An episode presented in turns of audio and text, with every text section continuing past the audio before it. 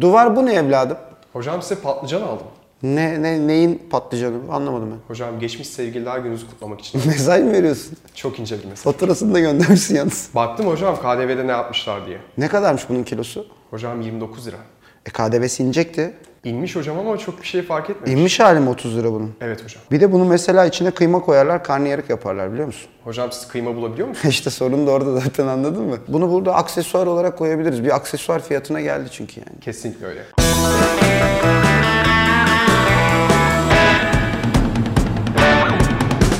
Haydi Sor Sorun yeni programında sevgili doçent doktor Oğuz Demir'le birlikteyiz. Hocam hoş geldiniz. Hoş bulduk Duvar. Hocam şimdi benim anacığım bir gün evleneceğimi düşünerek biraz altın almış. Demiş ki çocuğum gariban değil ona altın takayım demiş. Ama şimdi hocam iktidar geldi bizim altınları istiyor. Anacığım da soruyor ben bu altınları neden vereyim? Yani zaten evlenirsen bir gün Duvar. Hani mümkün mü bilmiyorum. Yani başka altın takan olmayacak bir kere onu bir kenara koy. Yani bir annem verecek zaten. Hani mesela düğüne falan çağırırsan benim o hafta kesin bir işim çıkar net söyleyeyim. Aman Hani diyeyim hocam. Gelmek istemediğimden değil. Yani bir çeyrek altın 800 lira biliyorsun. Yok gram altın 800 lira. Evet. Biz de kaybettik işin şeklini. Gramı 800 lira. Yani yarım grama razı olursan gelirim senin düğüne ama ondan başka, annenden başka kimse sana altın altın takmaz. Açık Hocam çok ben pahalı. yarım gram altın takana kırmızı halı sererim. Vay iyisin ha. Peki hocam biz neden altınlarımızı şu anki ekonomik sisteme sokalım? Ya bunu denediler, daha önce de denedi. Yani hükümet e, daha önce de Berat Albayrak döneminde, ondan önceki dönemlerde de kaynağı ucuzlaştırmak için. Çünkü sen bugün bir şey finanse etmek istiyorsan, yani mesela yatırım finanse edeceksin değil mi? Ya da işte tüketim finanse edeceksin, fark etmez. Birilerinin para harcamasını istiyorsun. Diyor, o, o insanların o parayı harcamaları için ya tasarrufları yüksek olacak ya da ülke içerisindeki tasarruflardan finanse edecek. Şimdi bizim ülkemizde tasarruflar şöyle yapılıyor. Yani bir miktar bazı insanlar gidiyorlar paralarını bankada tutuyorlar. Türk lirası cinsinden vadeli mevduatta. Tamam bu ucuz finansman çünkü bizim tasarrufumuz. Öyle değil mi? Kimileri döviz olarak tutuyor. Ama genel eğilim hep bu ülkede altına yönelik olmuştu. Dolayısıyla altını da bankada tutmuyorsun. Yani o sistemin içinde tutmuyorsun. Yani son dönemde dövizi de tutmayanlar oldu. Dolayısıyla sistemin dışına çıkıyor bu. Bu sefer o yatırımı ya da o tüketimi finanse edecek bir kaynağa ihtiyacın var. Ne yapıyor Türkiye bunu? Yabancıların kaynağından, tasarruflarından transfer ediyor ve bu pahalı bir transfer. Bir de o yabancı sadece kaynağını yüksek getiriyle vermiyor. Bir de senin ne kadar riskli olup olmadığına bakıyor sana vermek için. Şimdi böyle olduğu zaman diyorsun ki ben yabancıya ya muhtaç kalacağım ya da içerideki tasarrufları sisteme kazandıracağım. Uzun zamandır bunu deniyor hükümet. Yani altını olan getirsin sisteme, dövizi olan getirsin sisteme, tasarruf edebilsin getirsin sisteme. Şimdi burada sorun şu. Bir, Türkiye Cumhuriyeti yurttaşları zaten tasarruf edemiyor. Yani gelirleri giderlerine yetmiyor. Son dönemde son 2-3 senedir bu iyice bozuldu. E, tasarruf eden e, dö- dövizde tutuyor. E, bu da bir sıkıntı. Döviz talebi demek yine ekonomiye zarar veriyor. Altın tutan yine dövizde tutuyormuş gibi oluyor çünkü o altın dışarıdan geliyor ama sisteme de sokmadığı için, fiziki olarak onu tutmak istediği için daha da bizi dışarıya muhtaç ediyor. Şimdi hükümet bunu deniyor. Ben bunu sisteme alabilir miyim diye. Şimdi yeni bir şey daha getirdiler. İşte cumartesi günü sevgili bakanımız Nurettin Nebati o yeni paketi açıkladı. Bunun olabilmesi için benim güveniyor olmam lazım. Şimdi an- anacına soracaksın. Diyeceksin ki anneciğim sen şimdi bu altınları düğüne kadar tutacaksın belli ki. Öyle değil mi? Yani e senin düğününde o sittin sene gelmez. E dolayısıyla kadıncağız onu bir yerde tutacak. Nerede tutacak? Sor bakalım. Evde mi tutmayı tercih eder? Bankada mı tutmayı tercih eder? Yoksa bir kasada mı tutmayı tercih eder? Bankanın dışında o iki opsiyonda da zaten sisteme para girmiş olmuyor. O yüzden bankalara çekmeye çalışıyorlar ki ucuz finansman olsun. Biz bir daha para basmak zorunda kalmayalım ya da bir yerden döviz borçlanmak zorunda kalmayalım. Ama ne diyorum? Anacına sor. Hepimiz bizi izleyen bütün e, duvar izleyicileri e, işte sorsunlar altın birikimi olanları. Acaba o fiziki altını götürüp bankaya teslim ederler mi? Eğer ki edeceklerini duyuyorlarsa, öğreniyorlarsa duvar dersin ki tamam bu başarılı olur. Ama bizim gözlemimiz bu zamana kadar hiçbiri başarılı olmadı. Bu da pek başarılı olacakmış gibi gözükmüyor maalesef. Çünkü gözdeki ışıltı yetmez. Bak geçen bize de yazmışlar duvar. Gördün mü sen yorumları? Demiş Gözlerinizdeki ki Oğuz Hoca'nın gözlüklerindeki ışık, ışıktan rahatsız oluyorum ben demiş. Ya olayın hiç farkında değiller. Yani benim gözümde doğal bir ışıltı olmadığı için mecburen ekonomist olabilmek için Yapma ışık koyuyoruz biz buraya. Ama Hocam- benim de gözümde gördüğün gibi ışık var. Hocam şimdi ışık deyince benim aklıma hep Bakan Nebati geliyor. Bakan Nebati geçen hafta gitti. Işık deyince benim gitti. aklıma elektrik faturası geliyor. Ona hemen geleceğiz hocam. Bakan Nebati dedi ki İngiltere'de işler çok iyi. Yok şöyle yapıyoruz, yok böyle yapıyoruz. Her şey güzel olacak dedi. Her şey güzel olacağı ondan söylemiyor. Her şey yoluna girecek dedi. Hemen arkasından e, bizim kredi notlarımız açıklandı. Fitch, Fitch'liğini yaptı demişti e, Bakan Çağlayan, eski bakan. Yani aynı şeyi bir daha. Ya ben geçen hafta ne dedim burada?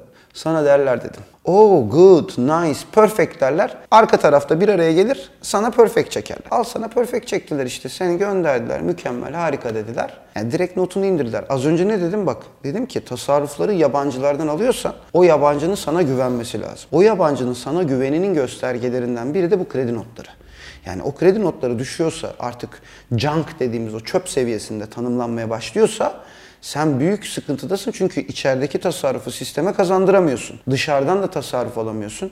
E yatırımı nasıl finanse edeceksin? Enflasyon olmadan finanse edemezsin. Habire işte para basıyorsun. Habire piyasaya para veriyorsun. Her türlü veriyorsun ama veriyorsun işte. Şimdi hocam e, cumartesi günü KDV indirimini açıkladı Sayın Cumhurbaşkanı Erdoğan. Ya bak orada bir şey söyleyeceğim. Ben bütün programı izledim. Hatta seninle de konuştuk. Evet. Yani başından sonuna bakanı dinlerken böyle anlatıyor. iş dünyasına böyle mesajlar orada da birikmişti. işte toplamışlar iş, iş insanlarını anlatıyor işte. Bak size kredi garanti fonundan 60 milyar liralık paket. Yetmezse bir daha veririz. İşte dönüyor altınınıza ekstra katkı. Ya kimin var altını bu ülkede? Tasarruf. Tamam herkesi 3-5 kenara koyuyor ama asıl büyük altın sahibi kim bu ülkede? İş insanları gene her zaman olduğu gibi. Ya bütün paketler böyle açıklanırken Onlara yönelik açıkladı. Peşinden de dedi ki ya elektriğin de dedi 5'te 4'ünü biz ödüyoruz dedi.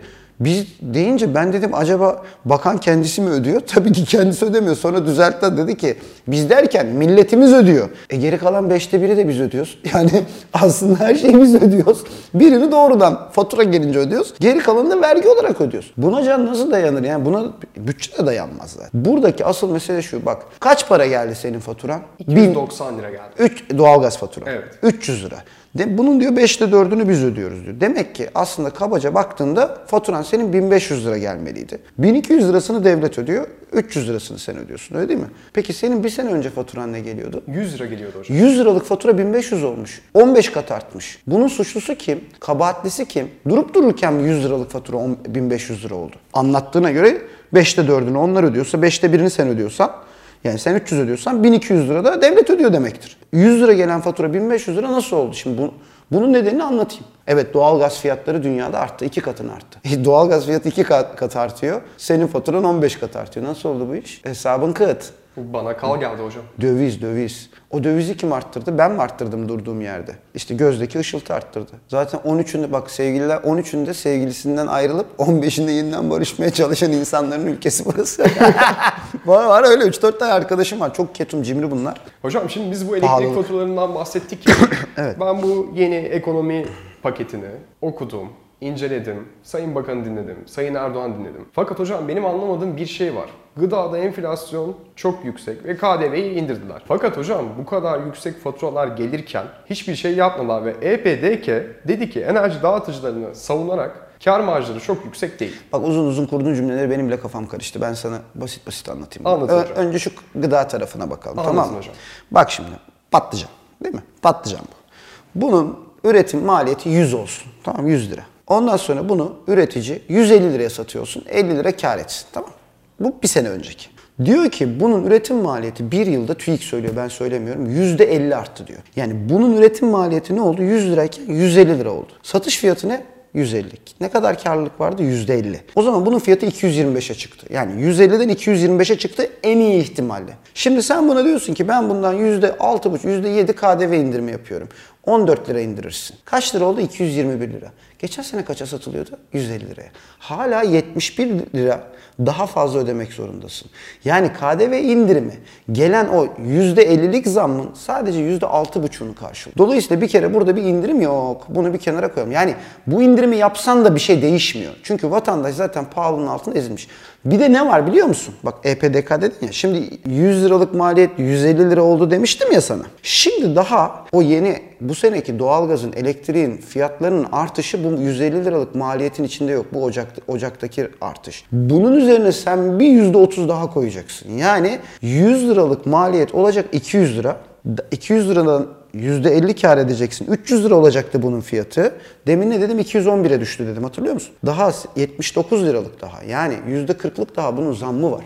Orada sen %6,5'u indirsen ne olacak? Asıl mesele bu ürünün üretim maliyetini aşağıya çekebilecek ya da daha fazla artmayacak bir sistem kurabilmekte. KDV indirimleri evet 3 kere markete gittiğimizde 150 lira 200 lira ödediğimiz gıdaya 187 lira ödememiz anlamına geliyor. Bak 3 kere. Ama dördüncü gittiğimizde o 187 ödediğimiz faturayı biz 230 diye ödeyeceğiz fişi.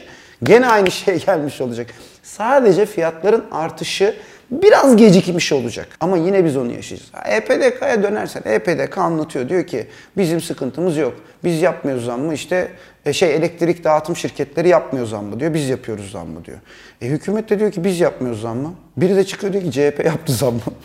yani Anladın mı? Kafalar çok karışık. Perşembe günü Merkez Bankası'nın kararı açıklanacak. Ne bekliyorsunuz? Perşembe günü Merkez Bankası faiz kararı yine sabit bırakır herhalde. Yani bir, ama Bakan Nebati dedi ya, yani çok önemsizleştirdik biz politika faizini dedi zaten. Aslında Merkez Bankası'nın bu konuda attığı adımların bugün piyasada bir karşılığı yok. Hep konuşuyoruz işte Merkez Bankası'nın politika faizi %14, piyasada kredi faizleri %30. Onun üzerine hükümet dönüyor diyor ki KGF destekli yeni kredi paketi yapacağım. %14 artı 1, %14 artı 2 yani %15 ile 16 ile kredi vermeye çalışacağım diyor. Yine ucuz kredinin peşindeler. Geçtiğimiz seneye göre pahalı olsa bile yine ucuz kredi peşinde. Ama Merkez Bankası'nın politika faizinin bir önemi kalmadı şu anda. Çünkü piyasa bir riski fiyatlıyor sürekli. Ha Merkez Bankası'nın sadece politika faizi kal, önemi kalmadı değil. Aslında bir bütün olarak Merkez Bankası'nın da önemi iyice önemi kalmamış oldu. Ne? Bak mesela ben bugüne kadar Londra'ya giderken bakanların yanında Merkez Bankası başkanlarının olmadığını hiç hatırlamıyorum. Ama bu son seyahatte Sayın Nurettin Nebati Sayın Kavcıoğlu'nu yanında götürmedi. Beraber gitmediler. Hocam, Ondan sonra da dedikodu çıktı. Küstüler. galiba. Seksek oynamıyoruz abi. O oradan daha fazla atladı diye ona küsemez yani öyle bir şey yok. Ülke yönetiyorlar yani anladın mı? Bilmem kaç e, milyar dolarlık kaç e, bir ekonomiyi yönetiyorsun sen. Küstüm oynamıyorum. Var mı böyle bir şey? Abi sizin siyasi hezeyanlarınız yüzünden biz burada ne oluyor ne bitiyor yani bu böyle bir şey. Siyasi hezeyanlarınızı bu ülkenin ekonomisine yansıtamazsınız. Öyle şey Mesut Süre gibi oldum ha. Geçen sefer dayı gibiydim. Olmaz bana bunu diyemezsin. Olmaz Hocam, yani. O zaman küsler barışsın, patlıcanın fiyatı artmasın deyip bir başka konuya geçeceğim. Hocam sizin çok önem verdiğiniz ve üzerine basa basa İşsizlik. bir mesele var. Genç işsizlik. Hocam şimdi üniversiteden e, taban puanları kaldırıldı. Artık bir e, baraj yok. Bu genç işsizliğin önünü arttıracak bir şey mi? Bak şimdi bu taban puan meselesi e, işin biraz detayı. Asıl mesele ilk öğrenim, orta öğretim ve yüksek öğrenimdeki kalitenin belirli bir seviyeye getirilmesiyle ilgili. Biz onları konuşacağımızda burada taban puanları konuşuyoruz. Yani bunun e, siyasi bir manevra e, olduğu çok açık ortada. Çünkü sistemi düzelten bir şey yok. Birilerinin işte daha fazla üniversiteleşmesini sağlamaya yönelik bir hareket. Geçen sene konuştuk işte baraj 180 mi, 170 mi, işte 1 milyon kişi açıkta kalacak falan filan. İnsanların üniversite neden okuduğunu unutmamamız lazım. Neden üniversite okutuyorsun insanlara? Bir, bir kere iş dünyasında ya da iş kendi hayatlarında iyi insanlar olsunlar diye. E, ülke ekonomisine katkı sağlasınlar diye ve içlerinden belirli başarıyı göstermiş olanların da bu ülkede teknolojinin, bilimin, yeniliğin gelişmesine katkı sağlasınlar diye. Şimdi bu atılan adımın şu üç amaçla bir ilgisi var mı? Yok hocam. Yok. Bu, e, bunun dışında atılan herhangi bir adımın bu üçüyle ilgisi olacak mı? Olmayacak. Asıl meselen senin daha ilk öğrenimden yüksek öğrenimin sonuna kadar gelen süreçteki kaliteyi arttırman. E ondan sonra o kalitede e, eğitim almış insanlar yurt dışına gidiyor. Bak geçenlerde de bunu konuştuk seninle beyin göçü meselesini. Bizim meselemiz beyni göçenlerle ilgili değil. Mesela şu soruyu hiç sormuyoruz farkında mısın? İşte atıyorum 2000 tane doktor gidiyor. Her sene 10 bin tane yetişmiş insan gidiyor. Ya neden bu ülkeden sadece 10 bin tane yetişmiş insan yurt dışına gidebiliyor? Anladın mı? Hani hani geri çünkü genç bir nüfusun var. Milyonlarca gencin var. Herkes gitmek istiyor. Bak bu da önemli bir sorudur. Ama sadece 10 bin kişi gidebiliyor. Sadece 10 bin kişi dünya vatandaşı olabilmiş. Yani gitsinler demiyorum. Onlar da gidebilsin. Bütün gençlerimiz gitsin demiyorum. Ama bak meselenin ne kadar saçma olduğunu bu bile gösteriyor. Milyonlarca gencin var. Hepsi işsiz. Tamam mı? Yani 3 milyon genç ne eğitimde ne istihdamda bugün Türkiye'de. Ama sadece 10 bin insan gidebiliyor. Geri kalan 2 milyon 990 bin insana sen dünya standartında bir eğitimi neden veremediğini sorman gerekiyor. Bu insanların dünyanın herhangi bir yerinde maddi manevi neden karşılığının olmadığını sorman gerekiyor. 10 bin kişi niye gidiyor diyoruz. Abi tamam 10 bin gitsin. Geriye kalan 2 milyon 990 bin bizde anladın mı? Onlardan bir şey yapalım. Yok. Yani o olmuyor. Asıl sorun bu zaten. Hocam son soru. Gene mi? Evet. Geldik mi sonuna? Evet hocam. İyi hadi sor bakayım. Hafta yine burada mıyız? Buradayız. Sorular veriyor hocam. Haydi sor sor. Teşekkürler hocam.